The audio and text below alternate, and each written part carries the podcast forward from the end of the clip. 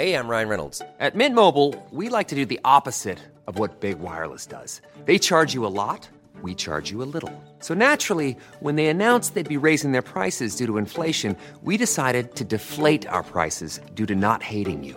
That's right. We're cutting the price of Mint Unlimited from $30 a month to just $15 a month. Give it a try at mintmobile.com slash switch. $45 upfront for three months plus taxes and fees. Promote for new customers for limited time. Unlimited more than 40 gigabytes per month. Slows. Full terms at mintmobile.com. Cool fact a crocodile can't stick out its tongue. Also, you can get health insurance for a month or just under a year in some states. United Healthcare short term insurance plans, underwritten by Golden Rule Insurance Company, offer flexible, budget friendly coverage for you. Learn more at uh1.com.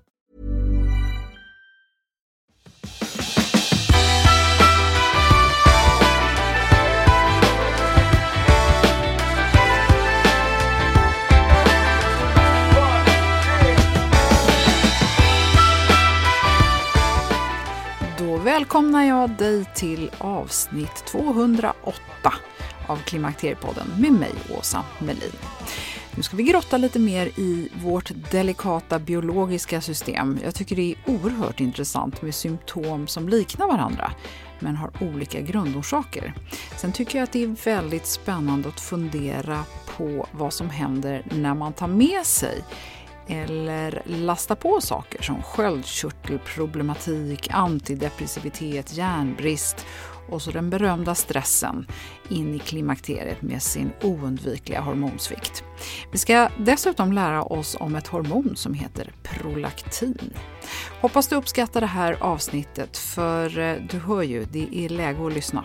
Så på med lurarna och njut av en stund för dig själv och jag hoppas ge dig ny kunskap och kanske också ledtrådar som ger dig fler bitar i just ditt hälsopussel. Så välkommen att lyssna!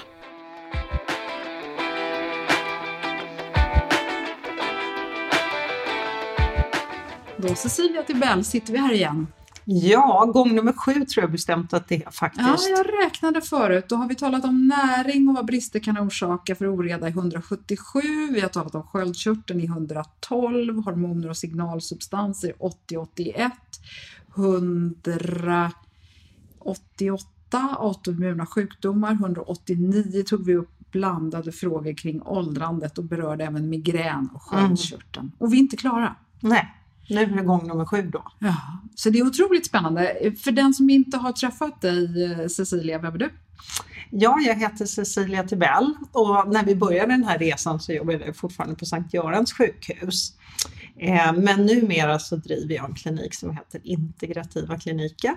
Jag är i botten då internmedicinare och endokrinolog för just sköldkörtel och hormonsjukdomar i mitt lilla subspecialområde kan man säga. Sen jobbar jag här lite mera holistiskt och integrativt, det vill säga jag jobbar med andra bitar än bara mediciner och sjukdom. Mm. Och bara för att man ska förstå det här med endokrinologi då, det är ju kroppens tillverkning och insöndrande och påverkan av hormoner i hela kroppen. Liksom ett biodynamiskt sätt kan man säga. Ja, och då är det så att vi har ju körtlar, ett antal körtlar i kroppen som producerar hormoner. Och då säger man precis som du säger, man säger att det insöndrar, för det är någonting som man så att säga eh, släpper ut i blodomloppet och så åker det runt i kroppen och så har det effekter på kroppens celler. När vi utsöndrar något som till exempel bukspottkörtelenzymer, då är det någonting som lämnar kroppen.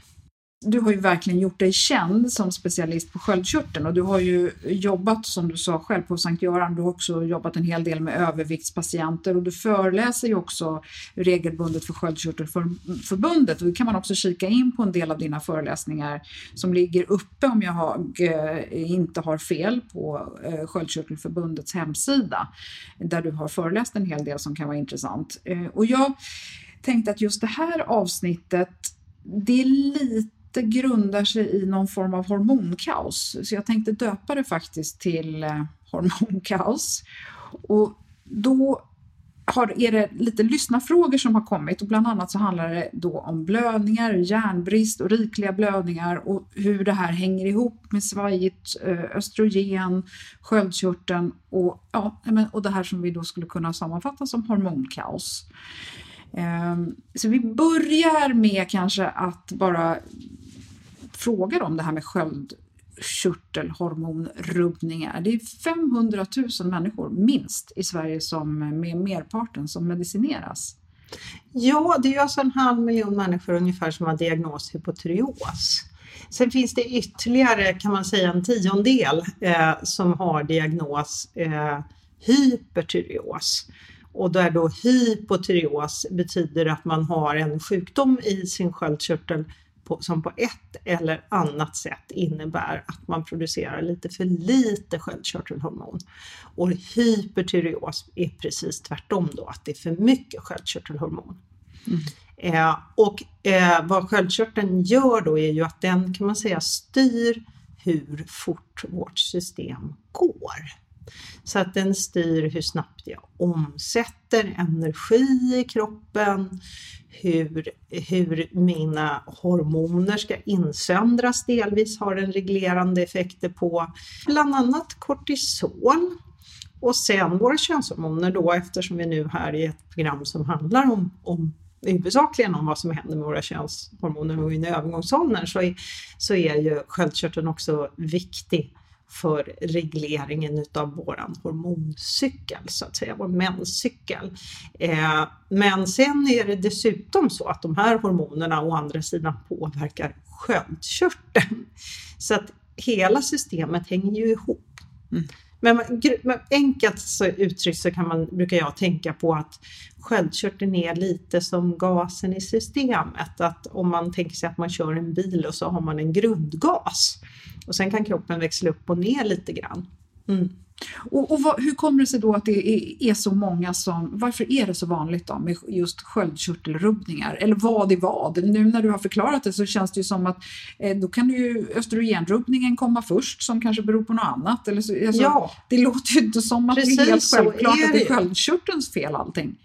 Nej, och precis så är det ju då. För att östrogen som jag säger då, för att ta ett sådant hormon som typiskt, när får vi våra sköldkörtelsjukdomar? Ja, det är ju typiskt i vissa situationer. Dels när vi kliver in i pubertet, före och efter graviditet, när vi kliver in i övergångsåldern. Det är så att säga typiska insjuknande åldrar. På det så är det vi har varit utsatta för jättehög stress under en längre period.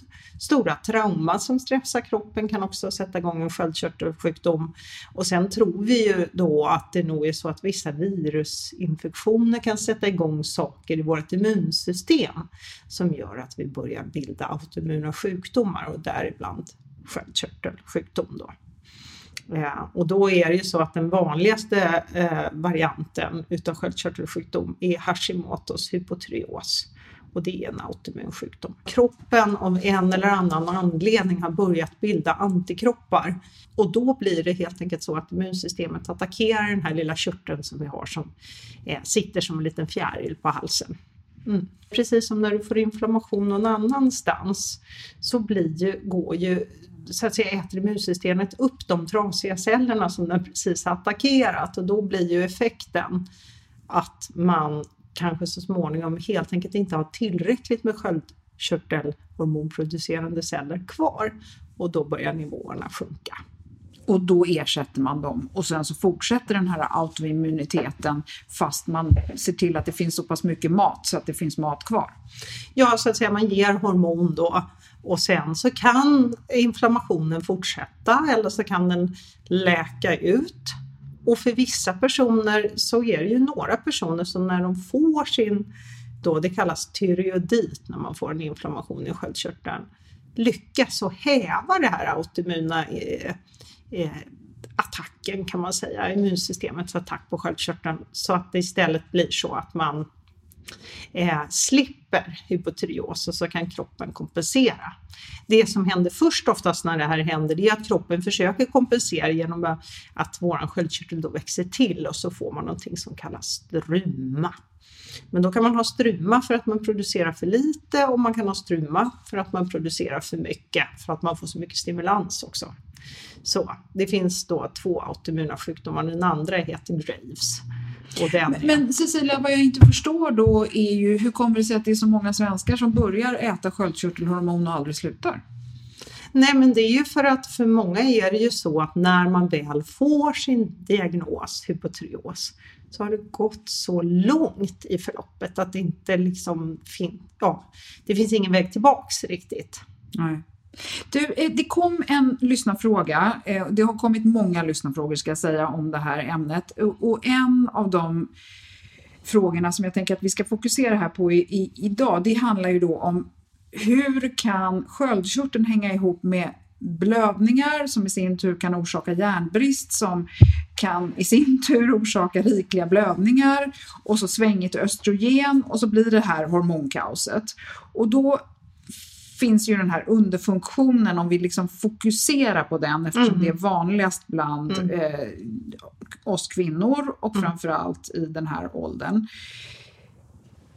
när man får de här tunga blödningarna och kortare menstruationscykel och så läser man om det här i facklitteratur så står det att bakomliggande orsaker kan vara ett högt prolaktinvärde och att ägglossning uteblir på grund av det här. Alltså nu blir det jättevirrigt.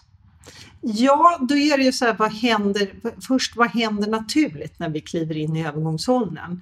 Ja, först, det har vi ju pratat om i något avsnitt tidigare, så blir det ju ofta så att man börjar förlorar den här fina progesteronkurvan som man hade. Man, när man får inte samma liksom stigning i progesteron som man fick när man var yngre från ägglossning fram till mens. Så den blir liksom flackare och flackare. Och när det händer så får vi ju ett förhållande där östrogen dominerar över progesteron. Eh, och när man säger det, östrogen dominerar över progesteron, är ju så att de där balanserar ju varann. Så att progesteron har balanserande effekter på östrogen. En effekt av det är då att eh, östrogen eh, gynnar tillväxt av livmoderslemhinnan. Så i vår livmoder så har vi ju en slemhinna som ska växa till och förberedas för att ett foster ska kunna bosätta sig där om man nu blir gravid.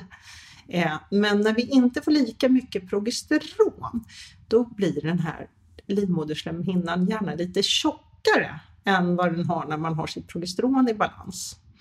Och då eh, är det också så att då kan blödningen bli rikligare på grund av det. Och det blir svårare för kroppen att reglera och när kroppen har svårare att reglera, eh, ja då blir mensen lite långdragen. Vi blöder ut lite mer och det är lite mera slemhinna som behöver lämna. Eh, en effekt också av att vi inte får samma progesteronprik är att det inte alltid blir en ägglossning. Så. så det är nästa steg, det börjar bli Eh, ägglossningarna blir inte där. Och det som händer med östrogen under den här perioden är att också ena dagen har vi mycket östrogen, nästa dag så blir det inte alls så mycket östrogen och östrogenet blir helt i kaos upp och ner. Och det här påverkar också livmoderslemhinnan. Så det är ganska vanligt att kvinnor kommer någonstans när mensen börjar bli oregelbundna och så träffar de gynekologen och så säger gynekologen oj vad du har en tjock livmoderslemhinna, vi behöver behandla bort den innan vi kan göra någonting. Och det har ni säkert pratat i om några program eh, misstänker jag tidigare. Mm, absolut. Ja. Eh, och eh, sen då för att komplicera det så är det ju så att när vi har de här stora svängningarna i hormonerna så ökar risken för att vi just ska få hypotyreos. Hypotyreos i sin tur eh, eh, har effekten att prolaktin stiger och där är det väl så, skulle jag tro, för det här är nu min egen hypotes, att det faktiskt handlar om att Eh, I och med att alla, alla system går långsamt så blir det också problem med dopamininsöndringen. Dopamin är en signalsubstans och ett stresshormon och normalt sett så är det så att prolaktin är hämmat förutom när vi är gravida och ammar. Och det är dopamin som sköter det. Så att höga dopaminnivåer håller liksom prolaktin nere. Så vad, vad är det här prolaktinet, när det, vad, vad, är det som gör att man påverkas av det då? Ja, och då har prolaktinet effekten att det faktiskt hämmar den här menscykeln. Mm. Och det är ju därför som man då så att säga blir eh, lite tillfälligt ofertil när man ammar. Nu är ju inte det alla, för det ju, finns ju alltid de här som lyckas bli gravid efter en eller två månader när någon har fött barn. Men för de flesta så har prolaktin effekten att man faktiskt stänger av menscykeln under en period. Så när, när prolaktin stiger så får vi då påverkan på menscykeln. Och då kan effekten bli att vi inte får någon mens, att vi får oregelbunden mens. Och då var det det här att när det inte blir någon ägglossning och det blir lite rörigt med östrogeninsöndringen så kan det påverka slemhinnan både till att det blir kortare blödningar eller att det blir längre och jobbiga. På det så spekulerar man lite i hur, huruvida eh, det hormoner som hypofysen utsöndrar som påverkar sköldkörteln som heter TSH som står för tyroidea-stimulerande hormon kan ha så att säga effekter som liknar de hormoner som Eh, styr vår menscykel och det heter då FSH som står för follikelstimulerande hormon och LH som står för luteinizing hormon som egentligen då kan man säga ägglossningshormon. Eh, och, och, det är ju det som normalt sett styr vår menscykel.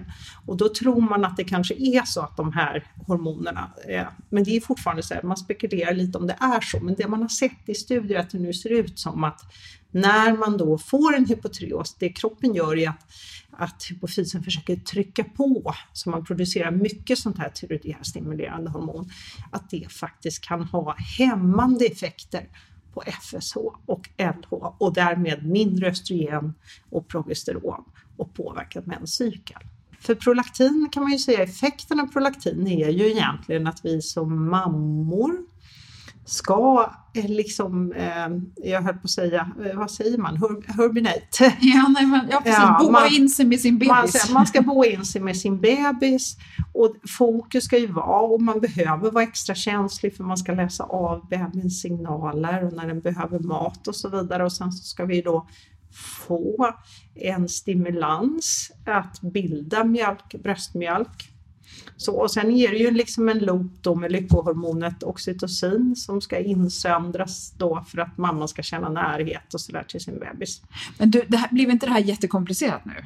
Jättekomplicerat är ju så att det sitter ju, jag brukar, jag brukar likna det här hormonsystemet vid en symfoniorkester och när ett instrument dominerar eller är ostämt så blir det oreda i själva symfonin. Ja, det blir hormonkaos ganska enkelt här känns det som. Ja, och för att komplicera det då så är det dessutom så att östrogen när man kliver in i den här åldern, när jag sa när östrogen hoppar upp och ner, har tillväxteffekter på sköldkörteln. Vilket innebär att du kan få en påverkan på sköldkörtelns storlek och hur den beter sig. Och hur ska man veta att man har eller inte har något av det här? Ja, dels så är det så där att man får ju, eh, om man mår bra, eh, håller sin vikt, inte har någon av de här symptomen så är det ju vanligtvis så att man faktiskt inte har något problem. Mm. Och det är ju likadant, vi pratar ju lite det här om, om vad som händer när man kommer in i klimakteriet, om man får problem. Men jag har ju massa patienter som går igenom sitt klimakterium och faktiskt typ inte märker det. Mm. Nej, vi ska inte problematisera det. För mm. klimakteriet i sig är ju ingen sjukdom, det mm. tjatar jag om hela tiden. Precis som vi pratade om här innan, att graviditet inte heller är någon sjukdom. Mm.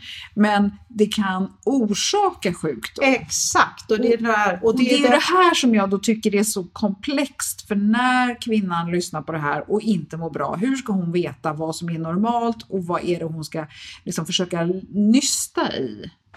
Mm. Och då tänker jag så här att har man fått väldigt mycket oregelbundna blödningar, börjar blöda längre som ju ökar risken för att man ska förlora för mycket järn i sitt system, om man känner sig trött, om man har en påverkan på humör eller minne eller sömn, då finns det en anledning att prata med sin doktor. För det är lite vår uppgift att reda ut vad låter det mest som? För det blir ju så här lurigt att det blir likt också. Östrogenbrist ger håravfall, järnbrist ger håravfall hypotyreos ger håravfall. Så att, att föra reda vad, vad kan vara vad. Mm. Och speciellt om allt det här liksom mer eller mindre eh, faller samman, tänker jag. Ja, det blir ju det att de påverkar varandras systemen. Så det är klart att har du en hypotyreos så har du fått påverkan på de här hormonerna som gör att din menscykel blir skev och du kanske får en lite längre och rikligare blödning. Eh, så i sig det här att du får en hormonpåverkan kan ju göra att dina östrogenvärden svänger som då kan påverka din sköldkörtel till det sämre och så vidare. Ja, och sen har du plötsligt järnbrist då på alltihopa. Mm. Och järnbrist kan ju också påverka sköldkörteln om jag förstår det hela rätt. Ja, för vi behöver järn i en del av tillverkningen. Det är ju sådär att vi är beroende av våra stödämnen för att driva vår egen biokemi och där är ju inte vi i skolsjukvården sjukvården riktigt där ännu, alltså i den traditionella sjukvården, att titta lite närmare på hur näringsbrister kan påverka vårt mående. Men där finns det ju många andra som jobbar med det och många patienter som ju upplever sig ha blivit hjälpta. Det är ju därför jag tycker det är intressant. Ja. Och jag ska ju säga att det vanligaste jag träffar på här, ja, det min vanligaste patient är ju en kvinna någonstans i 40 till 60 års ålder som kanske antingen är på väg in i övergångsålder eller på väg ut ur övergångsålder eller mitt i det. Och många av dem har sköldkörtelproblem, de har lite problem med sitt blodsocker, de har problem med sin vikt och så är det liksom humör, ork, sömn och sånt som är påverkat. Och då blir ju mitt uppdrag att försöka reda i är det sköldkörteln som spökar? Eh, är det verkligen sköldkörtelmedicinering det som är problemet? Eller är det klimakteriet som spökar? Eller är det faktiskt så att på grund av de här långa, rikliga blödningarna så har de så pass uttalad järnbrist så de får symptom? Eller har de bara lågt järn och som ändå ger symptom?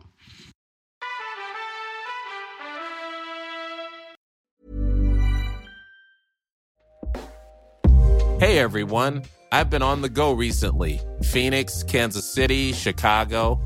If you're like me and have a home but aren't always at home, you have an Airbnb. Hosting your home or a spare room is a very practical side hustle. If you live in a big game town, you can Airbnb your place for fans to stay in. Your home might be worth more than you think. Find out how much at airbnb.com/slash host. Hey, I'm Ryan Reynolds. At Mint Mobile, we like to do the opposite of what Big Wireless does. They charge you a lot, we charge you a little. So naturally, when they announced they'd be raising their prices due to inflation, we decided to deflate our prices due to not hating you. That's right. We're cutting the price of Mint Unlimited from $30 a month to just $15 a month. Give it a try at mintmobile.com slash switch. $45 upfront for three months plus taxes and fees. Promo for new customers for limited time. Unlimited more than 40 gigabytes per month. Slows. Full terms at mintmobile.com. Det är härligt att klimakteriets tabu äntligen är på väg bort. Vill man försöka klara sig utan hormonbehandling så finns nu många nya kosttillskott som lovar bland annat hormonell balans och som ska stötta brister. Jag vill lyfta min räddare i nöden, Femarel. Det har inte bara varit min utan många andra kvinnors räddning i över 20 år. Och med lång tid på marknaden, med nöjda användare, dessutom med 20 forskningsstudier så vågar jag säga att det kan vara en god idé att prova Femarel. Femarel finns på apoteken och i hälsokostbutiker. Tack Femarel som varit min samarbetspartner i många år.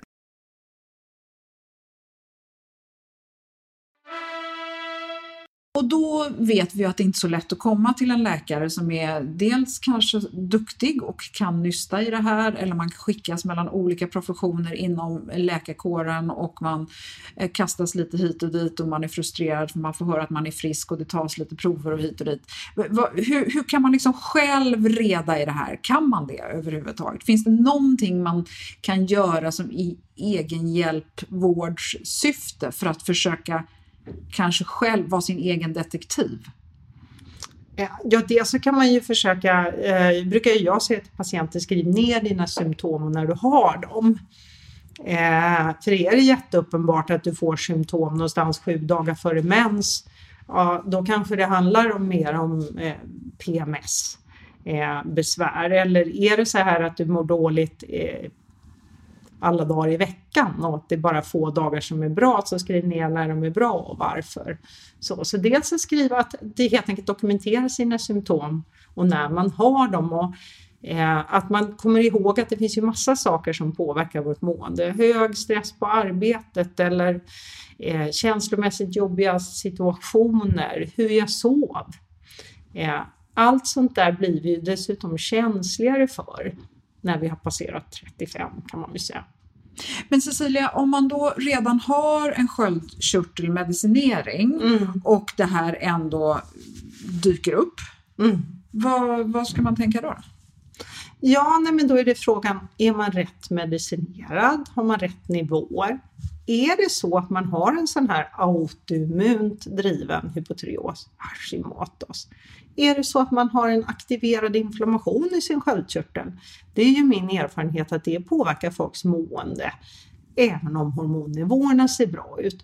Och då handlar det kanske mer om vad immunsystemet håller på med. Än och kan man mäta det? Eh, ja, man kan ju mäta antikroppar. Man kan säga, kan man mäta inflammationen på det sättet? Kanske inte alltid. Ibland kan vi se saker i proverna, men rätt ofta ser vi ju inte det. Men man kan se att det finns en förhöjd inflammation i kroppen, men inte specifikt var den sitter? Ja, ibland gör man det och ibland så ser man bara att de här antikropparna stiger. Eh, och så får man ju liksom lägga ihop att antikropparna stiger, folk har en klumpkänsla kanske runt sköldkörteln här i halsen och man har ett mående som talar för att det händer saker i, i sköldkörteln. Mm. Till exempel så kanske man upplever att måendet blir mera svängigt. För att om det finns sköldkörtel kvar som producerar hormon så kanske det när den blir attackerad helt plötsligt släpper ut väldigt mycket hormon för att sen inte släppa ut något alls. Och så vidare. Och då kan man ju behöva se över de bitarna som driver inflammation. Mm. Och det skulle kunna vara? Stress, sömnbrist och så då det här klimakterie eller förklimakterie som vi pratar en del om kan absolut vara sådana faktorer som spelar roll. Eh, upprepade infektioner, har man någon här pågående herpesvirusinfektion. Det finns så att säga eh, en massa sådana saker. Eh, men jag skulle säga, ska jag säga att det är någon faktor som spelar jättestor roll och där jag ser som doktor att jag har ju många patienter som har läst på en massa, gjort en massa med sin kost och sin livsstil och som själva går och tar prover via till exempel VR-labs eller blodkollen och ser till att hålla sina D-vitaminnivåer bra och titta på B och så vidare. Men kommer inte hela vägen hem. Och då upplever jag ju oftast att det faktiskt är stress mm. som är en viktig faktor. Eh, och där vi underskattar vår egen stressnivå. Mm. Jag själv inkluderad. Mm. Så. Mm. Man ser inte hur mycket stress man egentligen har omkring sig. Och det som ju också händer med vårt åldrande är att vi blir mer stresskänsliga biologiskt. Eh, det är ingenting som vi kan styra över, men stress påverkar oss mer ju äldre vi blir. Mm. Så med åren så har vi en lättare att släppa ifrån oss stresshormoner och kortisol.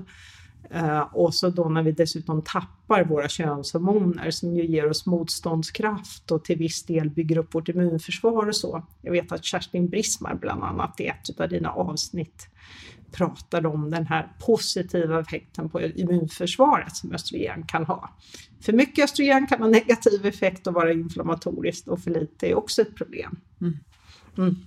Du Cecilia, då, förutom sköldkörtelhormoner så är det ju väldigt många som då äter mediciner för andra saker, till exempel antidepressiva. Mm. Hur kan det spela in i det här? För det här kanske man har någon kombination av olika mediciner som man går in i klimakteriet med. Ja, och då är det ju så här att de här SSRI-preparaten som är inte så ovanliga då, serotoninåterupptagshämmare, de kan ju då höja till exempel prolaktin. Och det är vanligt att man kan se en liten stegring i prolaktin när man står på SSRI. Men för vissa blir det en höjning så att säga som påverkar menscykel, sexlust, viktutveckling och det är även så att vissa SSRI-preparat innehåller fluor. Fluor konkurrerar med jod. Jod behöver vi för att kunna göra sköldkörtelhormon. Eh, så, och sen är det ju så att vi vet inte riktigt alla de effekter som de här läkemedlen har i vårt system därför att serotonin är, ja det, det vet de flesta att man kan må bra av serotonin. Men det vi glömmer bort är att serotonin påverkar vår temperaturreglering, hur smärtkänsliga vi är och det är också därför vissa antidepressiva har väldigt positiv effekt på kronisk smärta. Eh, blodtryck, puls, hur vår mage beter sig Eh, och så vidare. Och då är vad är de typiska biverkningarna när man sätter in sådana här mediciner? Mag-tarmbiverkningar, hjärtklappning, eh, till viss del ökad ångest, det är många som upplever och så vidare. Så att medicinerna påverkar. En annan vanlig medicin som många tar är ju, egentligen är det så att med åldern så får vi sämre och sämre matsmältning. Det vill säga vi blir sämre och sämre på att göra magsyra som ju då egentligen är saltsyra i våran eh, magsäck och våra enzymer. Eh, men, och då när man börjar få halsbränna när man blir lite äldre och lite stressad så tar man Omeprazol. Omeprazol ökar också prolaktin gör att vi tar det upp... Det är typ Losec som det hette ja, förr. Ja, precis. Losec, precis. Eh, och som då gör att vi tar upp kalk och D-vitamin sämre som påverkar våra skelett ne eh, negativt. Vi tar upp, så att våra mediciner, och det här glömmer vi doktorer ibland bort att titta på. Eh, så att när patienter mår dåligt så handlar det ibland om att faktiskt att vi ska ta bort mediciner. Nej, men för, det, det, för mig låter det som att man skulle behöva göra någon washout. Mm. Att man liksom helt enkelt säger, jag behöver nollställa mig för under de senaste 10-15 åren har den ena medicinen lagts på mm. den andra efter den tredje, efter den fjärde. Alltså, det känns för mig som att kroppen får inte en chans. Eller är liksom, har jag fel när jag tänker så? Jag tror ju att de flesta doktorer vill göra ett så bra jobb som möjligt. Men sen finns det något som heter ekonomi och så finns det något som heter tid. Och så eh, är det då så att din husläkare får en kvart med dig och på den tiden ska ni försöka reda ut dina problem, eh, hitta en eventuell utredning och en lösning. Det blir väldigt lätt ett recept. Därför att det går fort. Men, men Cecilia, är det, in, är det ett förslag till sin läkare att säga så här, jag skulle vilja prova att ta bort allting ett tag och se vad som händer? Det beror ju helt på vad man har för sjukdomar skulle jag säga. Det finns ju sjukdomar där det är direkt olämpligt och sen så finns det ju eh, så att säga sjukdomar, många tycker jag vällevnadssjukdomar där vi kanske borde ägna mera tid åt att inte sätta in mediciner och istället jobba med de andra bitarna och se hur långt vi kommer. Och vad skulle det kunna vara för andra bitar? Ja, ta till exempel högt blodtryck så är en sån typisk eh, sak som dyker upp ofta i 50-årsåldern för många. Eh, och eh, då är det ju så att då vet man att börjar man röra på sig lite mer, alltså är man lite mer fysiskt aktiv, så kan man få en viss effekt på sitt blodtryck. Äter man lite bättre med fibrer och lite nyttigare så kan man få en viss effekt på sitt blodtryck. Ser man till att sova bättre och se över sin liv så kan man få en viss effekt på sitt blodtryck. Och allihopa de där tillsammans kanske är det som behövdes för att man ska få ett normaliserat blodtryck igen. Mm. Hur mycket alkohol man dricker, alltså det finns ju många faktorer som kan spela roll. Och det är där jag menar att problemet blir att på en kvart, hur ska du som doktor hinna gå igenom det? Mm. Hur ska du som patient hinna berätta vad det är som påverkar ditt mående? Och om det dessutom är så att du faktiskt inte får kolla blodprover, för det är dyrt att kolla D-vitamin och nej, nej, nej, homocystin vill vi inte kolla och så vidare, därför att det kostar pengar och att det driver hur vi, vi sköter vår vård, så kommer ju det innebära att vi, dra, att vi liksom skjuter pendeln mot den enkla lösningen. Men om man då ändå ska försöka vara lite konstruktiv här, för jag tänker så här, Vi pratar ju så himla ofta om östrogenets positiva effekter. I många, mm. många kvinnor får ju den här rullgardinen att gå upp och mår mycket bättre mm. när de, kanske inte den första svängiga fasen, men när man liksom har kommit in lite närmare menopaus och eller kanske har passerat så kan mm. ju liksom östrogen ge en otrolig relief för många. Men för mig känns det inte så himla självklart om man redan har allt det här andra, att man ska på med det också. Jag, alltså nu är jag ju helt eh, ute och cyklar som lekman här. Eh, hur, hur tänker du som doktor? Jag tycker väl att man skulle egentligen titta på de andra sidorna först. Har du jättestressigt, hur ska du kunna driva en menscykel när du har stresshormoner som trycker ner din menscykel? Eh, och, och, där är det ju många gånger så att man med små åtgärder kan komma ganska långt. Jag har ju till exempel exempel på patient som har haft jätteproblem med sin mens så det enda vi gjorde var att fokusera på stressreduktion lite magnesium, lite B-vitaminer och inositol. Och inositol kunde gynekologerna förut förskriva och då blev hennes mens regelbunden. Vad är inositol för något? Inositol kallades vitamin B8 tidigare. Men inositol har då hormonreglerande egenskaper och det gäller faktiskt både könshormoner och blodsocker. Eh, och kan hjälpa till så att vi får en lite bättre balans. Dessutom är inositol i lite högre doser sånt som kan lugna ner nervsystemet lite så att vi sover lite bättre och får lite mera lugn och ta ner lite oro. Och då får vi ju ner vår stress. Och när vi får ner vår stress, då är det lättare för kroppen att driva systemet.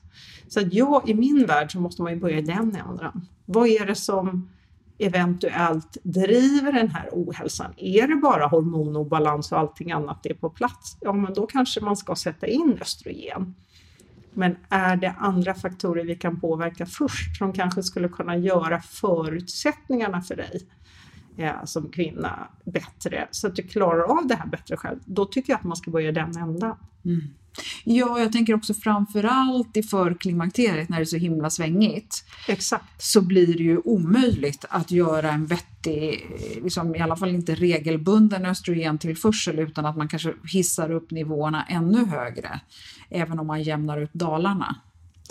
Yes and no skulle jag säga. För vad blir effekten om vi har en jämn hormonbalans? Det är ju ett självreglerande system det där delvis, det vill säga vi har de här follikelstimulerande hormonet, bland annat som huvudsakligen är det som styr östrogen, eh, bli, påverkas ju av östrogennivåerna i blodet.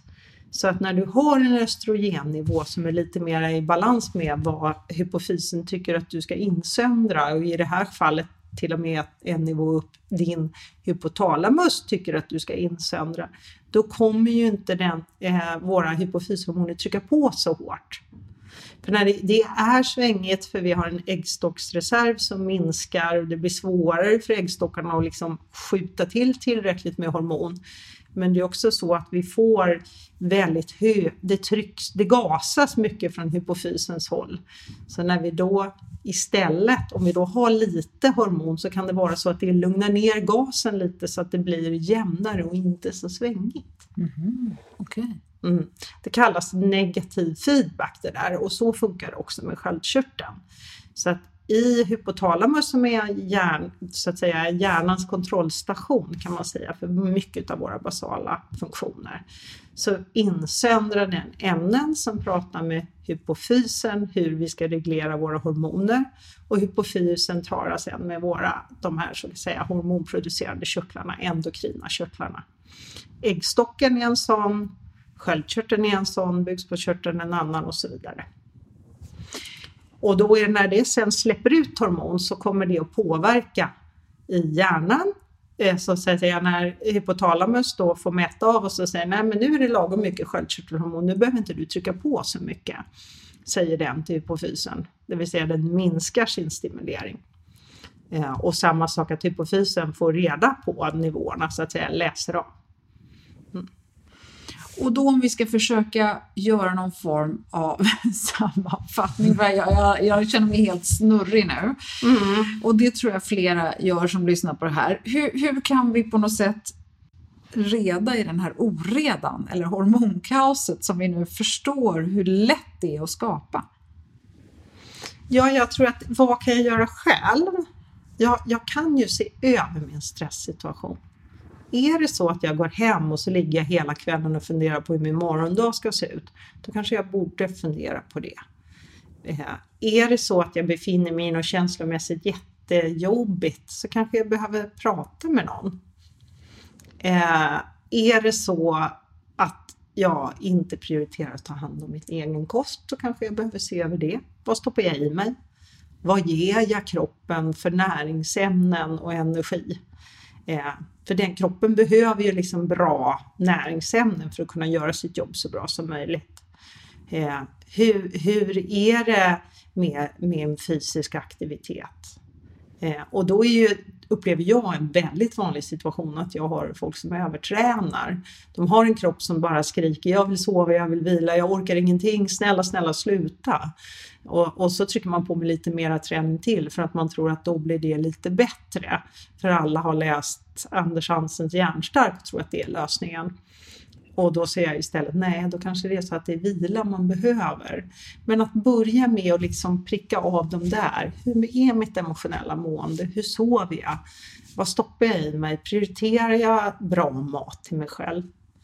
Är jag tillräckligt viktig för mig själv? Ja, för att börja reda i alla de här och ta prover på allt det här, det känner jag, det blir man ju bara ännu mer stressad av. Ja, i värsta fall så tycker jag att det jag ser att ibland då så går man in och så går man in i Facebookforum och så står det ja men om dina värden inte ligger så här då är det fel och då måste du. Och så kommer man till vårdcentralen och så möts man av en stenvägg och så känner man sig ännu mer frustrerad. Och då tror jag att är det så att man har en situation när man liksom har tittat på allt det där, ja men då är det kanske dags att prata med en doktor. Och har man mycket då menscykelrubbningar, ja men då är det väl gynekologen man ska träffa i första hand. För då är det ju så att gynekologen kan också ta ett prolaktin. Och det gör de ju ofta och de kan också ta sköldkörtelvärden. Och det kan man säga, det är ju en väldigt vanlig provtagning, framförallt med folk som har fertilitetsproblem, att man tittar på sköldkörtelns funktion och på prolaktin. Eh, och sen finns det ju de som då har sådana här polycystiska ovarier och lite sånt som kan ställa till, men det brukar man ju ofta ha fått diagnos lite tidigare i livet. Mm. Mm. Så. Och, och, är det då så att man istället har ärftlighet för sköldkörtelsjukdom eller har börjat få en svullen på halsen och så, ja då kanske man pratar med sin vårdcentral först eh, och att de kollar sköldkörtelprover. Har man blött väldigt mycket, ja då kanske man ska ta upp det för att man ska få kollat järn. Men jag tycker att det är klokt att det är det när man har sett över alla de här parametrarna som man själv ska påverka. Prata med någon som ska ha kompetensen och är du inte nöjd, byt! Mm. Ja, för det tycker jag är en viktig faktor. Din doktor ska vara din advokat i din hälsa. Och har du inte en allians där du känner att ni trivs med varandra, ja, men då, då, är, då är det bättre faktiskt att försöka byta läkare. Mm. Mm. Det kommer jättemånga bli provocerade av att jag säger, men jag tycker att det är en jätteviktig faktor, för det är också viktigt för hur man ska komma vidare och lyckas hitta i den här oredan mm. och minska risken för att man ska missförstå varandra. Mm. Ja, för meningen med det här avsnittet är ju inte att göra eh, kvinnor uppmärksamma på att det måste vara fel på dem, mm. utan tvärtom. Det finns ju, för det pratade vi också om här mm. Cecilia innan, att väldigt många kvinnor är oerhört friska rakt igenom klimakteriet eller genom livet. Mm. De behöver inte stöka till sig även om man inte sköter sig eh, enligt den perfekta boken så att säga. Nej, jag tänkte närmast på att jag faktiskt ganska nyligen hade en patient som kom till mig. Hon har, hade en hypotyreos i botten eh, och var väl i det här övergångsstadiet och hade en hel del PMS, eh, alltså förklimakteriebesvär och lite sådär. Och jag sa att vi kan pröva att stötta med lite progesteron. Det finns ju inget riktigt vårdprogram för det, men det är ju en del gynekologer som gör så och jag hade diskuterat lite det hann hon göra en menscykel, sen slutade hon menstruera. Så sa jag, men hur mår du då? Nej men hon, jag mår jättebra. Jag sover bra. Jag känner att allting är i balans nu. Ja. ja. Och då finns det ju ingen anledning att sätta in behandling. Eh. Nej, men och där kanske man också som kvinna måste vara eh, verkligen lita på sig själv och inte fundera för mycket heller, tänker jag. Ja, för det är ju nästa problem. Om man börjar skanna kroppen väldigt mycket så är det lätt att det skapar oro som gör att man känner sig dålig, som gör att man skannar ännu mer och så hamnar man i en negativ loop där man hela tiden bara går runt och känner efter hur man mår och hur man mår påverkar hur man känner sig. Ja, så. Nej, men för jag tänker att vi kvinnor har ju levt hela livet med eh, att hormonnivåerna går lite upp och ner. Mm. Och då tänker man ju att när klimakteriet väl har lagt sig och man är väl efter menopaus, då kanske det blir ganska tyst och lugnt. Ja, och så är det ju många som upplever. Att det, att det var jobbiga var den här liksom fasen innan man slutade ha mens och kanske en liten tid efter men att sen så liksom lugnar allting ner sig. Och då kan ju man ju ha ett klimakterium, den här kvinnan hade haft besvär ett år ungefär. Sen var det bra. Och sen finns det ju de som lider i 10-15 år och tycker att det är jättesvårt att sluta med sina hormoner, så vi är ju individer. I fallet eh, PMS eller förklimakterie, ja, där tycker jag väl att min erfarenhet är att många kvinnor har ju själva hittat då till någon slags progesteronbehandling och mått mycket bättre av det. Eh, och det är ju inte så bra att man självmedicinerar med hormoner. Eh, så där hoppas ju jag att gynekologin ska våga öppna upp sig lite mera för och tänka på hur hormonerna påverkar den psykiska hälsan också. Eh, och sen när man kommer in i klimakteriet, ja då är det ju så. Det är precis som du säger, för vissa är ju östrogen som att jag fick mitt minne tillbaka, jag är glad, jag sover bra, min hy mår bra igen. Jag känner inte att jag har en, en eh, stor kalufs i sängen varenda gång jag vaknar och så vidare. Och då är det väldigt bra med hormonbehandling. Så jag, jag tycker att individ, eh, individuell bedömning, så skulle jag säga. Mm. Och, och sen också att det finns andra viktiga aspekter. Det kanske är så att man under en period i livet behöver prata med någon. Det är ju inte ovanligt att man får en depression i den här åldern. Eh, ungefär hälften av alla kvinnor kommer någon gång under livet få en depression som är så pass symptomgivande att det påverkar måendet. Man kan ju vara lite nedstämd en period men så kan man ju vara deprimerad. Eh, och det är ungefär eh, 40 procent. Och peakåldern för det är ju 40 till 60 år. Kanske liksom säga hej, jag är här för jag vill diskutera vad jag kan göra för min hälsa. Mm. Och där har vi, är vi tillbaka då till distriktssköterskor också som vi har pratat om tidigare, barnmorskor, till viss del fysioterapeuter och alla möjliga andra eh, läkargrupper som psykologer, KBT. Eh, Det kan, finns många sätt som man kan börja i det här. Man måste inte börja hos en doktor. Nej, precis. Är det kroppen som stör mitt psykiska mående eller är det psykiska måendet som stör kroppen? Och då kan det mycket väl vara så att det man ska börja med är att prata med en psykolog. Ja. Bra! Mm. Ska vi säga så? ja.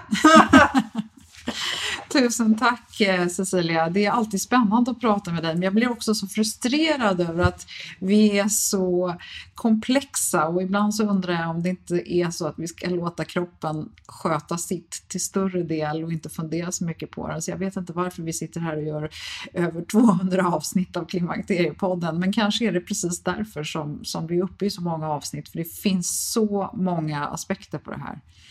Ja, och jag tänker att vi kanske ska jobba med vad vi kan göra för att optimera kroppens möjlighet att göra sitt jobb så bra som möjligt.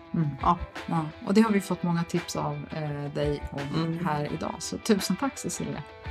Ja, tack för att jag har fått vara med ännu en gång. Ja.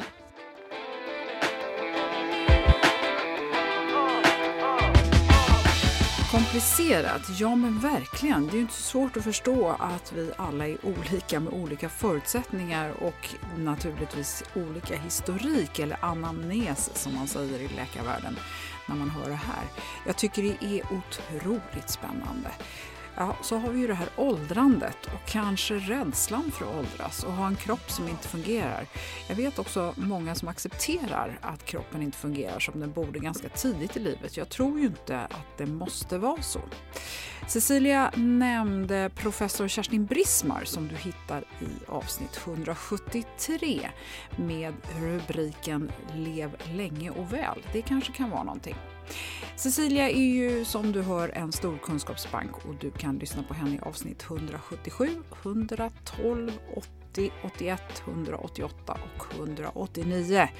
Och eh, vi pratar ju om sköldkörteln även tidigare där så att det, det, kanske kan vara någonting för dig.